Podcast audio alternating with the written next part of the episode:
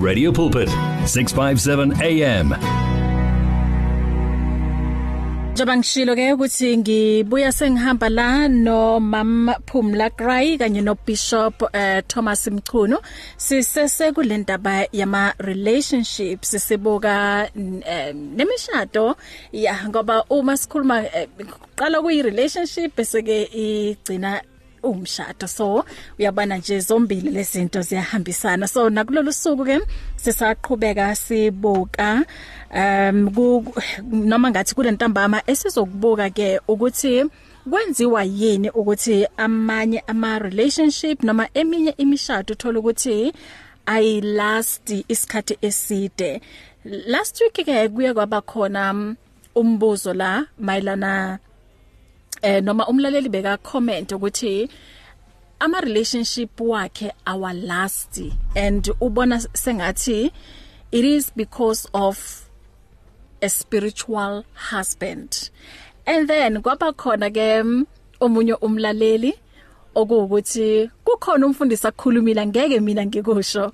And umlaleli kwaba ukuthi uthi mfundisi angizwa kahle le ndaba yakho. So today ke sibuyile sizoyi chaza kabanzi le ndaba umfundisi beyikhuluma about spiritual um husband. And then sibuka futhi um spiritual wives. Ngoba kuthiwa kuna spiritual husband and then kuna spiritual wives. Sanibonani bafundisi?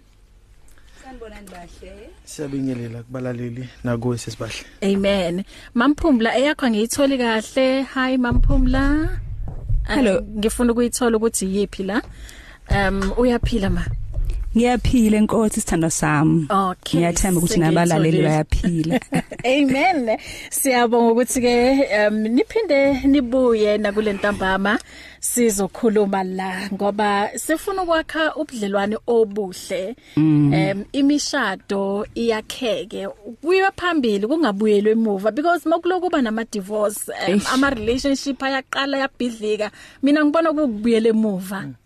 uyayibona so um ukuze sikhulume ke indaba yama relationships nemishado ukuthi ke sakheni and then sakhe ama imishado e healthy sakhe ama relationships are healthy mfundisi angazi ngiqale ngawe noma ngiqale ngo ngoma mfumla ngala. Okay um sizoyiqala ngale ndaba nemamphumla eya last week. Um umlaleli la nansi futhi ngiyitholile indaba yakhona. Um uthi thank you for the lovely topic. Uthi my problem ukuthi all my relationships never worked. I believe i have a spiritual husband cause men just disappear. How do i remove spiritual husband? And then um why chaza lana ukuthi it's like ulala nomuntu. Ulele kodwa lowo muntu awumboni. And uthi omunye upastor watshela umamakhe um yona leyo ndaba. Unfortunately uthi yena bekangekho esontweni ngalolo suku. So indaba yaba ukuthi emfundisi konje ukuphawula kwakho uye wathini? Ithi ngiqale ngakuwe. Ukuze isenze ukuthi sikhulume futhi namuhla kuye kwaba khona okuphawulayo and then omunye umlaleli wangayiqondi kahle leyo ndaba. Uh ngiyajabula ukuthi we are continuing this conversation from where last besigcine khona. Mhm. Uh but above all uh I think I kubalekile ukuthi ngibuyele back to kwi statement isikasisi engakasi rectify. Yeah. ukuthi ubethe she thinks uh ukuthi une lezi inkinga zakhe zikhozwa ukuthi une spiritual husband. Mm. She thinks so uh then ngikhiphe lelo gama ukuthi uyacabanga and i had had advised according to that ukuthi we cannot really uh advise when someone is is basing i statement sakhe kwimcabango angenayo isho yayo. And then she mm. came back later on then to co uh, to confirm ukuthi no she's got this issue. But ke i would i would like to to ukuthi ngiyitheklishe ngokuqala ngiyenze ibe general ebandleni. Mm ukuthi I I think it is very important that we find a way to deal with the issues that we have in church especially when it mm. comes to spirituality yeah because for a very long time we have settled for ama shake and bake uh, solutions mm. something that uh, umuntu meyikhuluma manje usefuna ukuyisolve manje mm. kanti ezinye izinto especially ezaka spiritual they can be ama issues are mental mm. singakafiki ka physical and some can be uh both mm.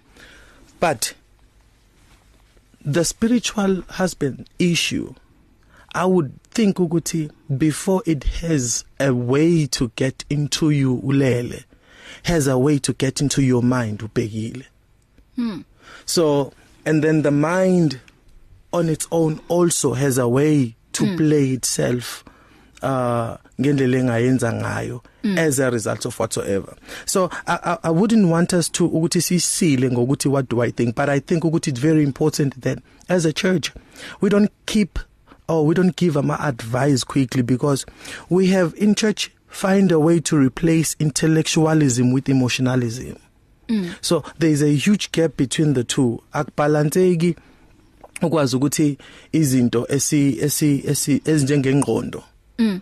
uh, si si allow faith to outrun our thinking and so kwavuka ke nabantu who can deal with these issues where ngizoyivala khona ukuthi bakhona abantu abadila nalama issues but if they are not matured enough in the word mm. then they tend to take advantage of those who are vulnerable in that issue yeah uh, uh, uh understand uh th that's one of the problems that I wanted to state mm. Thina abantu basesontweni siyawathanda ama shortcut. Even when it's come to healing. Mhm people love to go and give in, in church uh, so that something izobayeka. Even if that thing is supposed to be checked mentally ukuthi ime kanjani. Mm. abantu abaningi abaphowe esontweni abekho phowa. Sine term kwi, kwi hermeneutics la khona when you are doing studies akhona la kuthiwa khona you observe the issue. And then you go and interpret the issue mm. and then you apply the issue mm. uh also also also also also apply your intellect in what you have in in, in uh, checked and observed so it's only in church la sikhona khona ukobserve yeah. so when someone comes in with an issue we jump to complete uh, to to complete and say uh this is the way that we should do without checking uh, ingqondo ukuthi ime kanjani ngifuna sifinyekelele kuyona le spiritual husband but mm. ngifuna singene ngayo leyo ukuthi how far off can it be a, th there is a possibility of it being a mental issue that needs abantu abathi it's only in the church la uthola khona shake and bake solution when umuntu enenkinga yakwi psychologist imnikeza izinsuku zokuyibuye mm -hmm. not just a one time issue so if we don't observe ama issues abantu uIsrael wathe sephumile eGibhithe they they were still in Egypt mentally. They kept talking about the graves they kept talking about ukukumba and things that were in Egypt. Mm. kanti though ba out ngemzimba but ingqondo zabo esasele which bring me to this bangaka abantu that we think they are ready for imshado and we help them physically to get out kanti they are still hurt mentally. So it gives that a room to hurt another. So okay in conclusion to these issues zama zama spiritual husband i really think ukuthi for instance le issue still nayo it there is a way yokusizakala kuyo. But I, I i'm not just against i feel there is more that we can contribute kubantu abahlakaniphile. Mm. to say if kuukuthi ke akasenaso ingqondo yasisenaso yini? Hmm. So then it becomes an issue of ingqondo more than an issue yomzimba. I'm not sure if i'm making sense with this. Okay mfundisi mina umbuzo enginawo ukuthi zikhona lezo zinto ngempela um a spiritual husband or a spiritual wife? We we zikhona let me just say that zikhona qala mm. number 2 we still i believe we still need to sit and discuss because we we don't truly understand ukuthi imakuphi yeah. uh in terms of ubukhona bayo. I'll make you a typical example. If a girl get, if a girl gets that it's demonic. If umfana evuke njalo kuthi uyakhula. Mm. so there is no balance in that as yet in terms of theological perspective. So asikwazi ukuyisila without investigation. Mm. hence ngithi if kukuthi yenzeka the case yayo asikwazi ukuvele sithi sokubeka izandla. Abapostoli bekhona abantu abababeka izandla bangahlelo moya baze babuye mase kuthunyelwa abathize ukuhamba baye khona. So mm. the case needs to be investigated. How find out ukuthi how far off mentally is the person in this. Mm. so that noma sekhishiwe kwenziwa ama deliverance kwathandazwa. But ingqondo isekhona ayikho kodwa lapha ya mm. so that's that's what mina i believe ukuthi should take place mm. Mamphumla mm. um usisi usinaye again namuhla ne Okay. uthumele nawo um- u- umyalezo uthi not long ago uye waphupha elele na someone and uthi bokuyisikhathi lapho be- besondela isikhathi sokuthi avuke and then ialarm yakhala mm. but akakwazanga ukuvuka uthi bekungathi lento iyamcindezela ifuna ukuqeda qala ukwenza whatever bekaye be- beyenza mm. uthi bekayizwa ialarm but it was hard ukuthi avuke and then wavuka 5 minutes later. Kusho ukuthi akavuka ngesikhathi avamise ukuvuka ngaso. Ialarm ikhalile kodwa wacindezeleka akakwazanga ukuvuka. Yo. You know what I can pick up from this topic is that there are demonic you know issues here. mm. This is highly demonic and therefore it needs to be dealt with in a spiritual manner. Usisi ngamcebisa mina ukuthi ahlangane nabadala ba- bakhe that is the elders of the church as the bible tells us that mawunenkinga uya kwi elders and you get deliverance. Mm. She needs to be prayed for and she needs to believe first that she can be healed yeah because isigulo lesanaso indirectly Hmm. but it's a demonic attack Mm. and she needs to deal with thoroughly in a spiritual way mm. by consulting her elders and let them pray for her Mhm. and let her explain to her and, and and and and get understanding of what is happening in her life and the ways that she needs to cast it out because the demons we the, the bible tells us to cast them out so she's got the power in her to cast the demon out but for for starters she can go and consult the elders or her pastor to say pastor nansi inkinge umfundisi amthandazele makusuka lapho naye unalo igunya fanele azi ukuthi unalo igunya lokuyibalekisa le empilweni yakhe. Mm, because as we read in the bible that every time that there was a demonic attack jesus cast the demons out. Mm. so she needs not to negotiate or entertain or feel like uh, and and own this this thing this thing of saying my spiritual husband. You don't own what doesn't belong to you. Mm. so she needs to cast it out in Jesus name and by doing so it will be a process as umfundisi eshilo but she needs to work within herself Mm. to find out if it's not her belief sometimes we dream because we believe in these things sometimes they are real they are there and they, they these are demonic attacks that we need to deal with along the way of Christianity Mm, mm. And u- umfundisi ukhulume enye into ebalekile la ukuthi sometimes ingqondo mhlambe ek- ekutshela ukuthi kuna something ekanje eyenzakalayo. So nalokho singakubuka ukuthi mhlambe it's a demonic attack or si- singayibeka kanjani leyo? M- o mhlambe bebakhuluma wakwaba nemini baxoxa bakhuluma ngazo lezi zinto lezi. And then uma sekala manje ziza ngathi manje it's a dream. Yeah. Yeah. Yeah, it happens like that. It mm. does happen like that. But mm-hmm. now we can't underst- underestimate her problem and mm. say it's only mental. If she feels it's physical as well, yeah you know, we need to to, to address it biblically. ukuthi ngokwasezwini makunenkinga eso demonic. What do we do? We lay hands mm. on the sick, we lay hands on, on the demonic, we cast the demons out, and we also we we get the person because every time you hear of healing in the Bible, it was because of the person's faith that mm. they had. So she needs to believe that she can be healed. Um mfundisi so usisi la ngoba inkinga yakhe beyila ekutheni ama relationship wakhe last mm. and uh, those guys um I angazi ukuthi mhlambe kukhona ukuhlangana ngokwecansi of kanjani um, ngoba uthi baya ba- ba- bavele nje banyamalale so kungaba i-cause lena yena acabanga ukuthi mhlambe yiyo ukuthi babalekiswa ulo spiritual husband uh before I answer that, I think we also have to to seal. I'm just trying to seal Yeah. that point ukuthi it- it is there lento ka spiritual husband. Ikona. Mm. Whether it's be spiritual or whether it's a mental issue. Yeah. We are dealing with an issue that is there. Mm. So if it's there then we need to draw the conclusion ethi then it can affect Mm.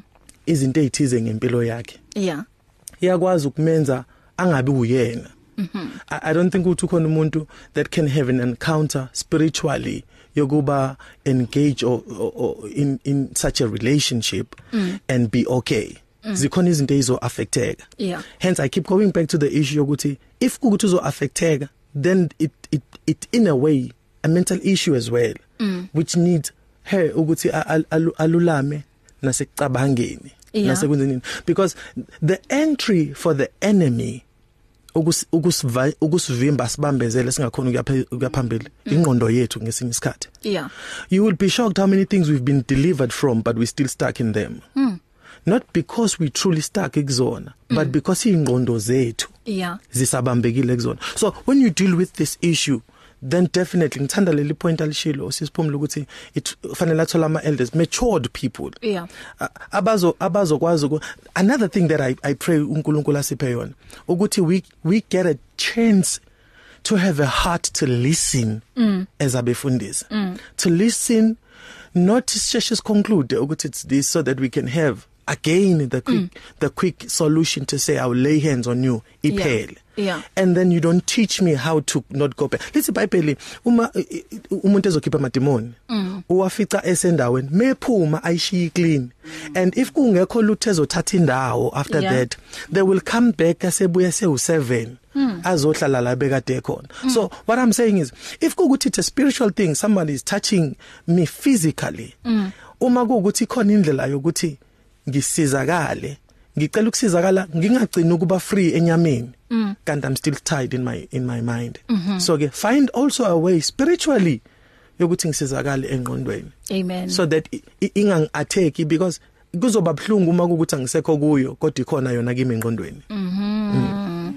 Hey asithembe ukuthi usisi la usizakele ngoba ngiyabona ukuthi in- iyamhlupha lento. Yeah 16 um 33 ngikanye no Bishop Thomas Mchunu kanye no Mam Phumla Gray eh sikhuluma ke mm, i- i- izinto ezibhekane ke no- nobudlelwane noma ngathi um relationships or imishado. Ithi ke ngindlule ngala ngaphambi kokuthi siqhubeke eh ngalolu daba. Become active. Active in faith. 657 AM. 657 AM.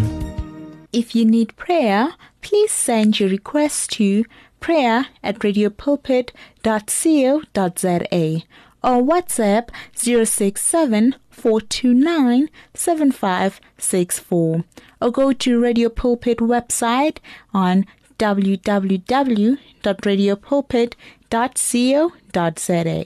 It's here. Radio Pulpit's new website is live. You can tune in at radiopulpit.co.za and enjoy crystal clear sound with just a click of a button or listen to our podcasts. Discover biblical truths in our daily devotionals and let our stories of hope inspire you. You can download our app on this new look easy to use platform. Find your favorite program, get to know our presenters, and so much more at radiopulpit.co.za. Radio Pulpit, your daily companion. You're at 657 AM. Radio carrying 24 hours a day. 657 AM.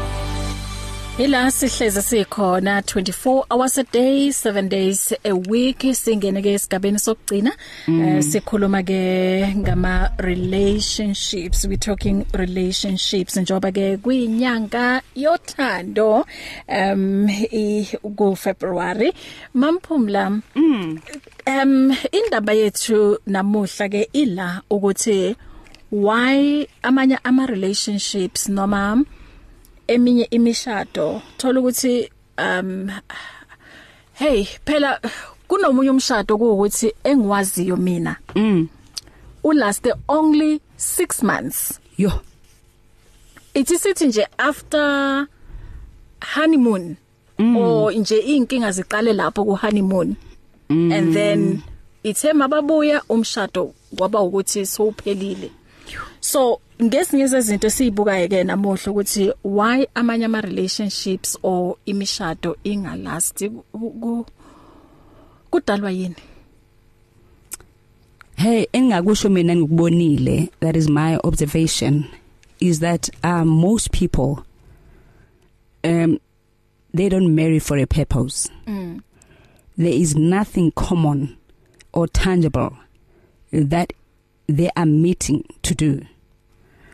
Um okuningi abantu babheka ukuthi uphumla unani ufunde kangakanani? Mm. which position does he hold in church?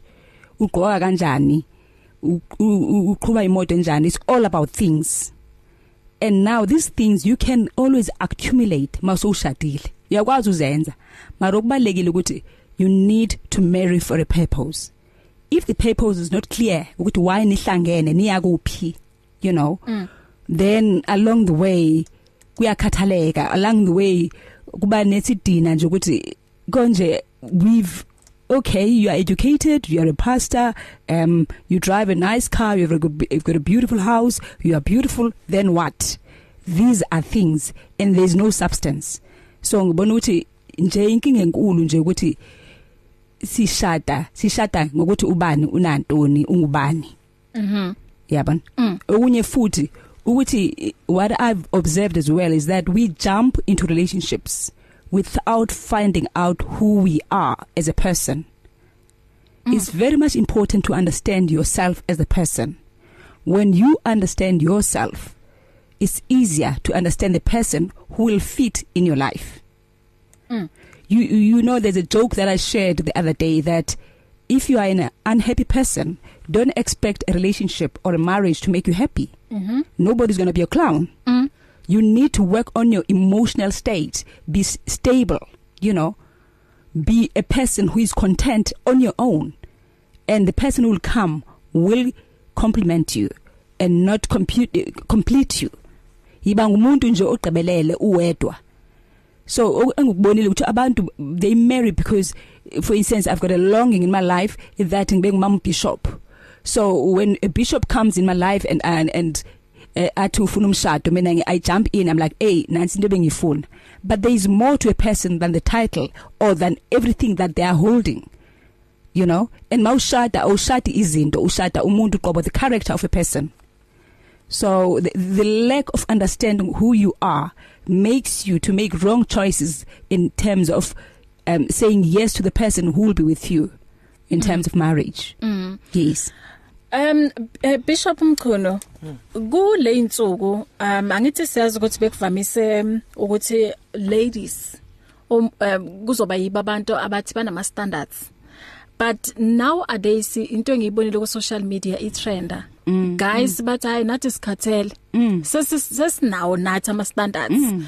um umuntu uzothi mina angimfuni uh, a lady ongasebenzi angimfuni mm. a lady ongenayo imoto um ngilandisa kule ndaba kaMamphumla ukuthi it seems like nowadays abantu babheke imaterial or mm. babheke ukuthi ungubani unani status nje mm. yonke lento mm.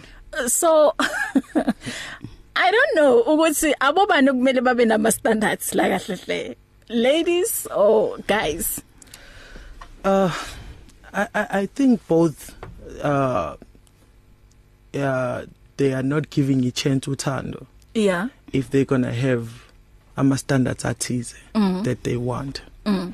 well the vast majority of people aba ababeka ama standards are people that have been through things mm. as benza bathi ses apply wisdom not just to take anything yeah but originally love is not supposed to be predicated mm. In terms ukuthi uthi uzobeka ini so that this would be love or this uh, or, or whatsoever mm. uthando lukwazi ukukufica and you fall in love with someone mm. that has nothing because it, it it's not supposed to be the other way around ukuthi mina ngicontrol uthando ngisupposed ukucontrolwa uthando yeah so it will make you fall in love with the person abathi abantu mawuhlangana naye bathi ufunani kulo mm. you understand mm -hmm. so uh, i think both shouldn't have such standards because if uthando liya program or liya liya directwa ukuthi lihambe kanjani that i don't think then we have fairly given the chance for love to work out ukuthi luyini kithi. So if it cannot take over me yeah. because of certain walls that engiwabekile i don't think ukuthi it's it it's something to be regarded as love.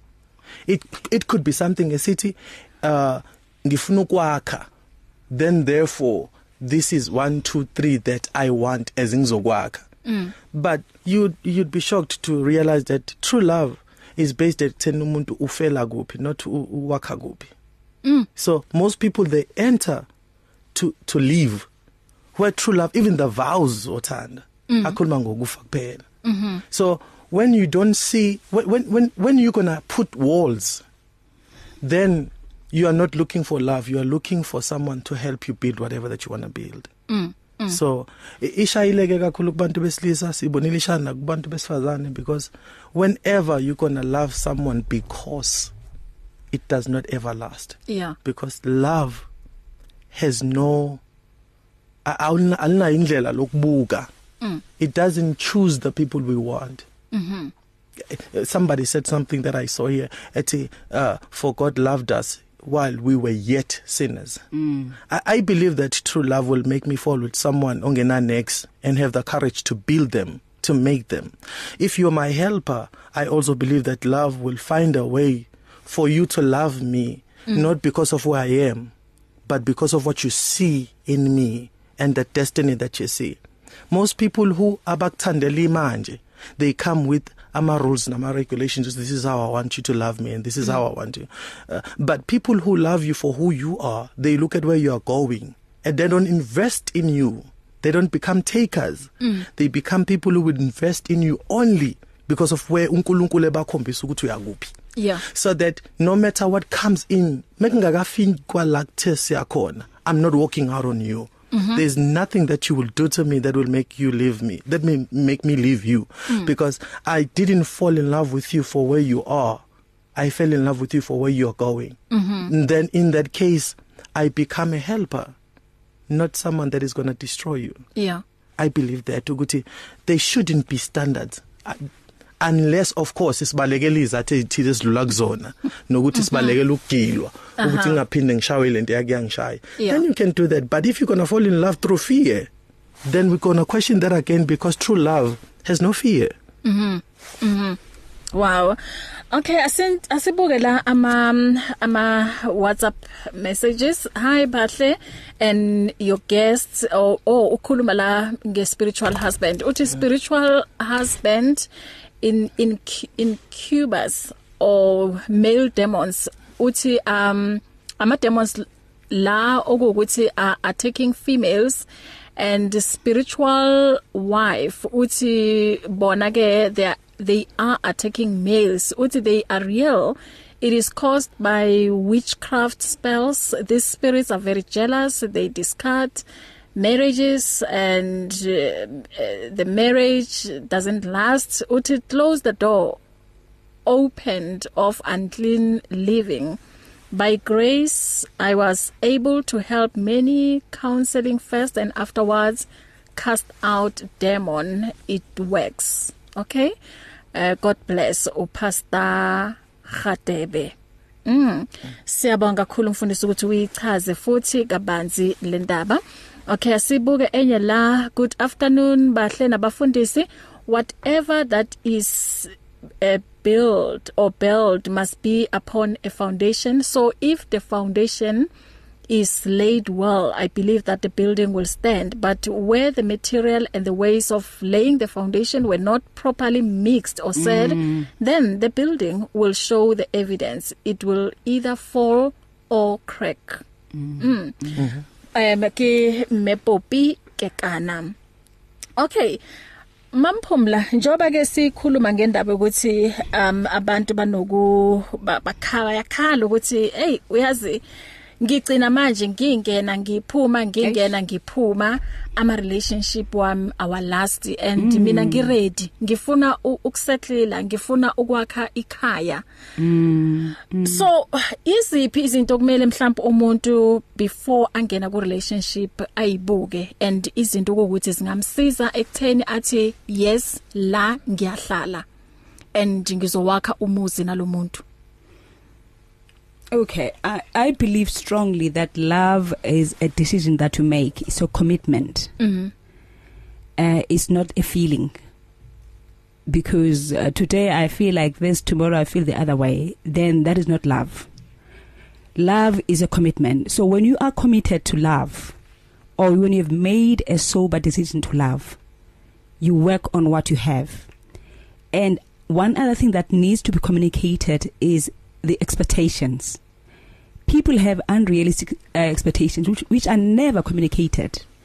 You tell yourself that mangishadile ngifuna umyeni oso oso so ngifuna avuke enze lokhu lokhu mara you don't communicate that before uh, ngesikhathi ukhotha I mean during courtship as a result that relationship is doomed to fail mm. because the other person doesn't know what are you expecting so the the, the clear understanding of what you want as a person is very much important mm. to be to be I'm sorry to be communicated also as I was saying it's very much important that you heal from your past wounds because what is happening is that we see people hurt bleeding on people that have never hurt them mm. and they have triggers you know during the relationship that you know so and so lied to me and these are the signs. So when you have not healed you don't give the another person a full um chance empilweni yakho. Because immediately uzothi hey ngiyawazi amadoda yazi amadoda enza kanje so. Oh ngiyabazi abantu besimame beso. And you find that all the time when you are looking for the wrongs you know mm. instead of I, I believe in one thing that mangihlangana nomuntu and lo muntu onzakele somewhere mina i become the healer instead of um provoking those wounds if only that person is open to understand that that is the past it belongs in the past Mm. but now we are going together and we are healing each other in the process Mm. and that is love that is that is committed that i have decided that mina mina nawe sokuhlula kukufa but we live at a stage where people want things as instant people Eish. they don't have they don't have patience Yeah. to grow each other in love Mm. They don't have patience to to to to focus on the purpose that God has given them. You know and they compete with other people like so and so benza kanje. So mm. therefore nalapha endlini masenze kanje. Forgetting that imizi ayifani ifana ngendlanti sitho ngesixhosa you know? Mm. imizi ayifani. So each and every relationship that you are ongena kuyo ayifani nodlule kuyo. Mm. fanele ukuthi wena ubuke le unayo kuyo and also be a, a transparent as possible. Mm. you know they say there's a difference between being honest and being transparent Yeah. being transparent that means you tell things that are your weaknesses before i discover them as uphumla Mm. being honest is saying yes these i agree this is my weakness but now it's a bit late Hmm. kanti if you were transparent and say mina nginezigulo eziso eso not necessarily physically but emotionally into eso ingenza kabi that means you are being transparent to your partner so that the partner can understand you so i believe we fail in relationship mostly because we have built this thing ekuthi thina we want this ideal relationship and we don't want to work on it Mm. Mm. kanti enenene ayikho into engasetshenzwa you know we want instant things we want uh, to be seen sithatha ama photo uh, driving these cars having these these not knowing that the foundation of a relationship is transparency the foundation of the relationship is commitment the foundation or the only standard that we need to stick to especially singama Christu is to be equally yoked Mm. Mm. you know mm. that's another important factor Mm. Asizwe lapha emakhaya u u- ungashaya ke ku 0123341322 uma uthanda ukuphawula noma ke unombuzo kule ndaba esixoxayo. Sawubona usemoyeni? Hi sister hey uh, ama topics namhlanje they're very very interesting. Ubrother anonymous lo okhulumayo futhi ne? Okay baba. Hey Hey sister, I must just say into one. You know mina what I've seen, eh? Mm. You know when people mhlambe especially specifically people once they get married, mina i-advice yam ukuthi they must get off e, any form of e social media. They must just cancel uh, and remove themselves from any form of social media, be mm. it WhatsApp, be it Facebook or whatever. Because what I've seen, ne, mm. people will always uh, come together mhlambe from different backgrounds or be, different settings, etc. Ne? And then you're bound to have um, differences or um, conflicts of any type whatsoever. But once people have a social media, ne, mm. those differences or, co- or, or, or, or conflicts, they become uh, abanjani aba aba aba aba aba activated to a bigger bigger level. In other words if mhlambe kuzoba ingxabano encane kuzoba ingxabano enkulu because all of a sudden this person person A and person B will get input for from a person C no person D nobani nobani nobani influencing them one way or another. And then at the end of the day you find ukuthi ingxabano yakhona izoba inkulu kakhulu. That is why if you notice today ne once we started having ama social media be it ama WhatsApp ama Facebook etc etc we started seeing abantu be divorce ngendlela enkulu more than before. Yes dala abantu be divorce etc be be be belwa etc but manje ububi buba even more and more and more. So if i was to give the advice to anyone especially abantu abashadile they must just get off ama social uh, uh, media pages etc then you'll find ukuthi ama conflicts are much uh, uh, more manageable if ngayibeka kanjalo. It's just my little bit of advice. Ngiyabonga sister. Mm. thank you brother anonymous. Thank bye -bye. you anonymous. Ngiyakuzwa. Ya indaba ye social media. Okay sizobuyela kuyona ngicela ukuthi silalele la i voice note. Bahle nama guest. Some people they're in good relationships with good people. Makuthola ukuthi i character, i attitude, ama manners maybe awami awekho kahle. Wayibona not that gore I'm cursed or what. But character. And then some they are made of God, uh, by God to be like that, as Paul said. There are many reasons. So some, yes, spiritual husbands, some generational cases. So there are many things. Some is the decisions. Some is because of the head. There are many reasons. Mm. Thank you. Uh, thank you mm. mama um kusho ukuthi la ke sesithole amanye amaphuzu awu2 umfundisi um, mm -hmm. ukuthi mhlambe ngezinye izikhathi la uthola ukuthi relationship ay last umshado awu last kungenzeka ukuthi social media and umama la osanda ukukhuluma ukhulume ngendaba ye character Mm. Okay. Ithi ke before sizongena kakhulu kuyona ngiye la futhi line sawubona Dumela. Sawubona? Yebo sisipasi. Yebo ma. Yebo silalela. Hello. Hello. Oh, yebo kunjani? Siyaphila wena unjani ma? Ngikhulumela ku Mina ngikhulumela kude siyakuzwa thina ungaqhubeka ukukhulume? Mina bebe ngicela ukukhulumela ngesayidini yangapha. Kuthiwa indoda yami husband eh spiritual husband. Iye ngifuna ukuthi angizuziphi igama ngithi. Yebo ma.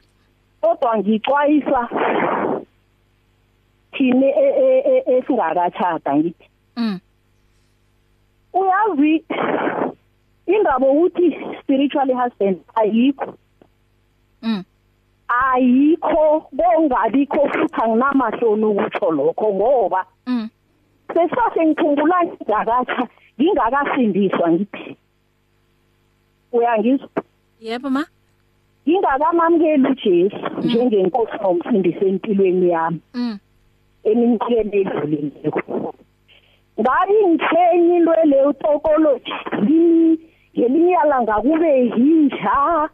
Uyazi sesifahle kuhle kuhle. Ngizathi la usezipha kufuna ukuthi siziphathe kuhle. Mm. Uyangiphina singakachaphi siziphathe kuhle. Ngingathi hey ngina hey nginotokoloji angisho bekutsho njani njani njani njani ayikho into leyo lidimoni lobu ifebe ngiyaxolisa. Oh. Injalo abeyidinga ukoniwa sesifahle injalo ngiyayazi. Ngathi kusindiswa ngaphuma umajola jola uthi bashe ngihlala nozibani ngihlala nozibani. Yaphela nya. Mm. Yaphe nidimoni lobu sebe akulanto ekuthiwa yi-spiritually husband ake ayikho umyeni wangokomoya nidimoni lobungwadla nkosi yami haleluya sesifake ngiyaxolisa so ngikhuluma iqiniso eliphelele ngiyalazi asithine singakachapha singajaheli umbhede ngoba izile nkosi lapha kuwahebhesi verse 4 lithi iganana kucishwe yibo bonke umbhede ungabi nasifihla ngoba insebe nemphinga uNkulunkulu uyakuzahlulela. Bye. Bye ma. Ngikuzwe kahle. Ngiyabonga. Hmm. Okay, uh asibone la. Some women have what they call a li a list which makes it difficult mm. for a person to take a decision on who to love. And a list uh uthi ability to make money what what the guy does at work and how much. And then uh C character or charm. And then D dignity. I can go on most of the or originated in church groups and you have these parents or church leaders who were always matchmaking kids. If you come from a poor family you will never get married. This leads to most people leaving their marriage since they they are not in love. Okay ngicela silalele nansi i voice note. People will always uh, come together and come from different backgrounds uh, or different people have it so bigger okay. what we have here today grounds amaningi kuma road sanje igama Okay, hey, into engihlezi ngikhala ngayo le ukuthi abantu baya recorda ene ngapha. Siyabonga namhlanje egameni lenkosi yethu Jesu Kristu. Siyabonga ngetopic namhlanje we have learned a lot. Some of us asikaze sishade kodwa sibe nama ups and downs amaningi kuma relationships. But what we have here today serve as a basis, serve as something that take us further. because thina ema kuma relationships singena ngoba sifuna immaterial things most of us so we have just learned a lot thank you very much Siyabonga abantu ngetopic namhlanje sibonga kakhulu we have learned some of us haven't been in marriages but kuma relationships it serve as a basis to us. Thank you very much. We have learned a lot today. Because most of us ngena sinama expectations. We are not transparent. Sifuna nje uku ama instant Okay. Mhm. Siyabonga kakhulu mama. Ey, sinemizuzu emibili. Angazi ukuthi um siqhubeke next week ngayo le ndaba. Mm. Uh yeah, because kunendaba la ye social media sibuka ukuthi imosha kangakanani imishado nama uh, relationships and then omunye ukhulume ngecharacter mm. and omunye wakhuluma la nge uyibizani i-A list Yes. okay, um Mampumla. Yes. Asivale in in in a in a minute. Um all I can say is that um relationships are from God. God mm. is a God of relationships. Therefore, before you enter in a relationship, it's very much important that you have a relationship with God first. Mm. And when you understand relationship from from that perspective, you will be able to see red flags from a distance mm. so that you don't get into this, this relationship that fail now and then. Mm-hmm. So number one relationship is a relationship that you have with God. He's the one who will guide you through in terms of whom to accept in your life and whom to say no to. Mm. Yes. Good evening Sister Bahle and family. We are serving a holy God um unmarried people don't jump to bed. Kimeki Mufukeng. Greetings my leaders. Thank you very much for powerful teachings. May God uh, bless you. Usis Pops. Uh, aslalele le 44 seconds i voice note. Uh, mina lendi spiritual husband or spiritual life I believe ikhona because uh, I remember I used to fight with other lady in the dream but langshaya khona in the day when you wake up you see the pain. If you want to have other lady once you bring you'll find somebody in the spirit ngathi umlungu or umuntu alwa nawe alale nawe straight. And then akulimaze futhi sometimes anywhere when you wake up nala ohama khona is painful and then ulimele. So and then uphinde ubona uwopha negazi sometimes la kushaya khona ebushini so telling you that I don't need you to marry another lady so umuntu makakandlule kuzo uzothi azikho lezinto Mm. Okay, mfundisi in uh, uh, 2 seconds ngicela sivale.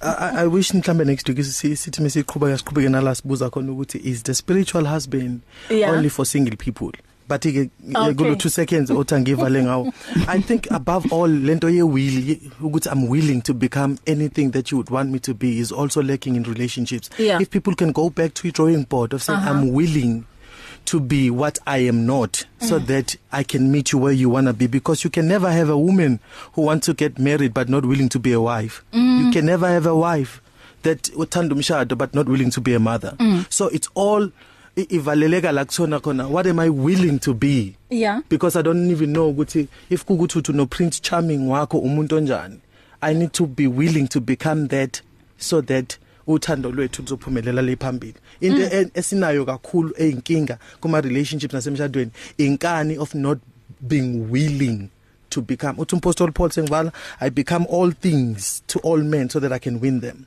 the Mm. mm. power of willing Amen. Mamphumla inamba yakho masinya?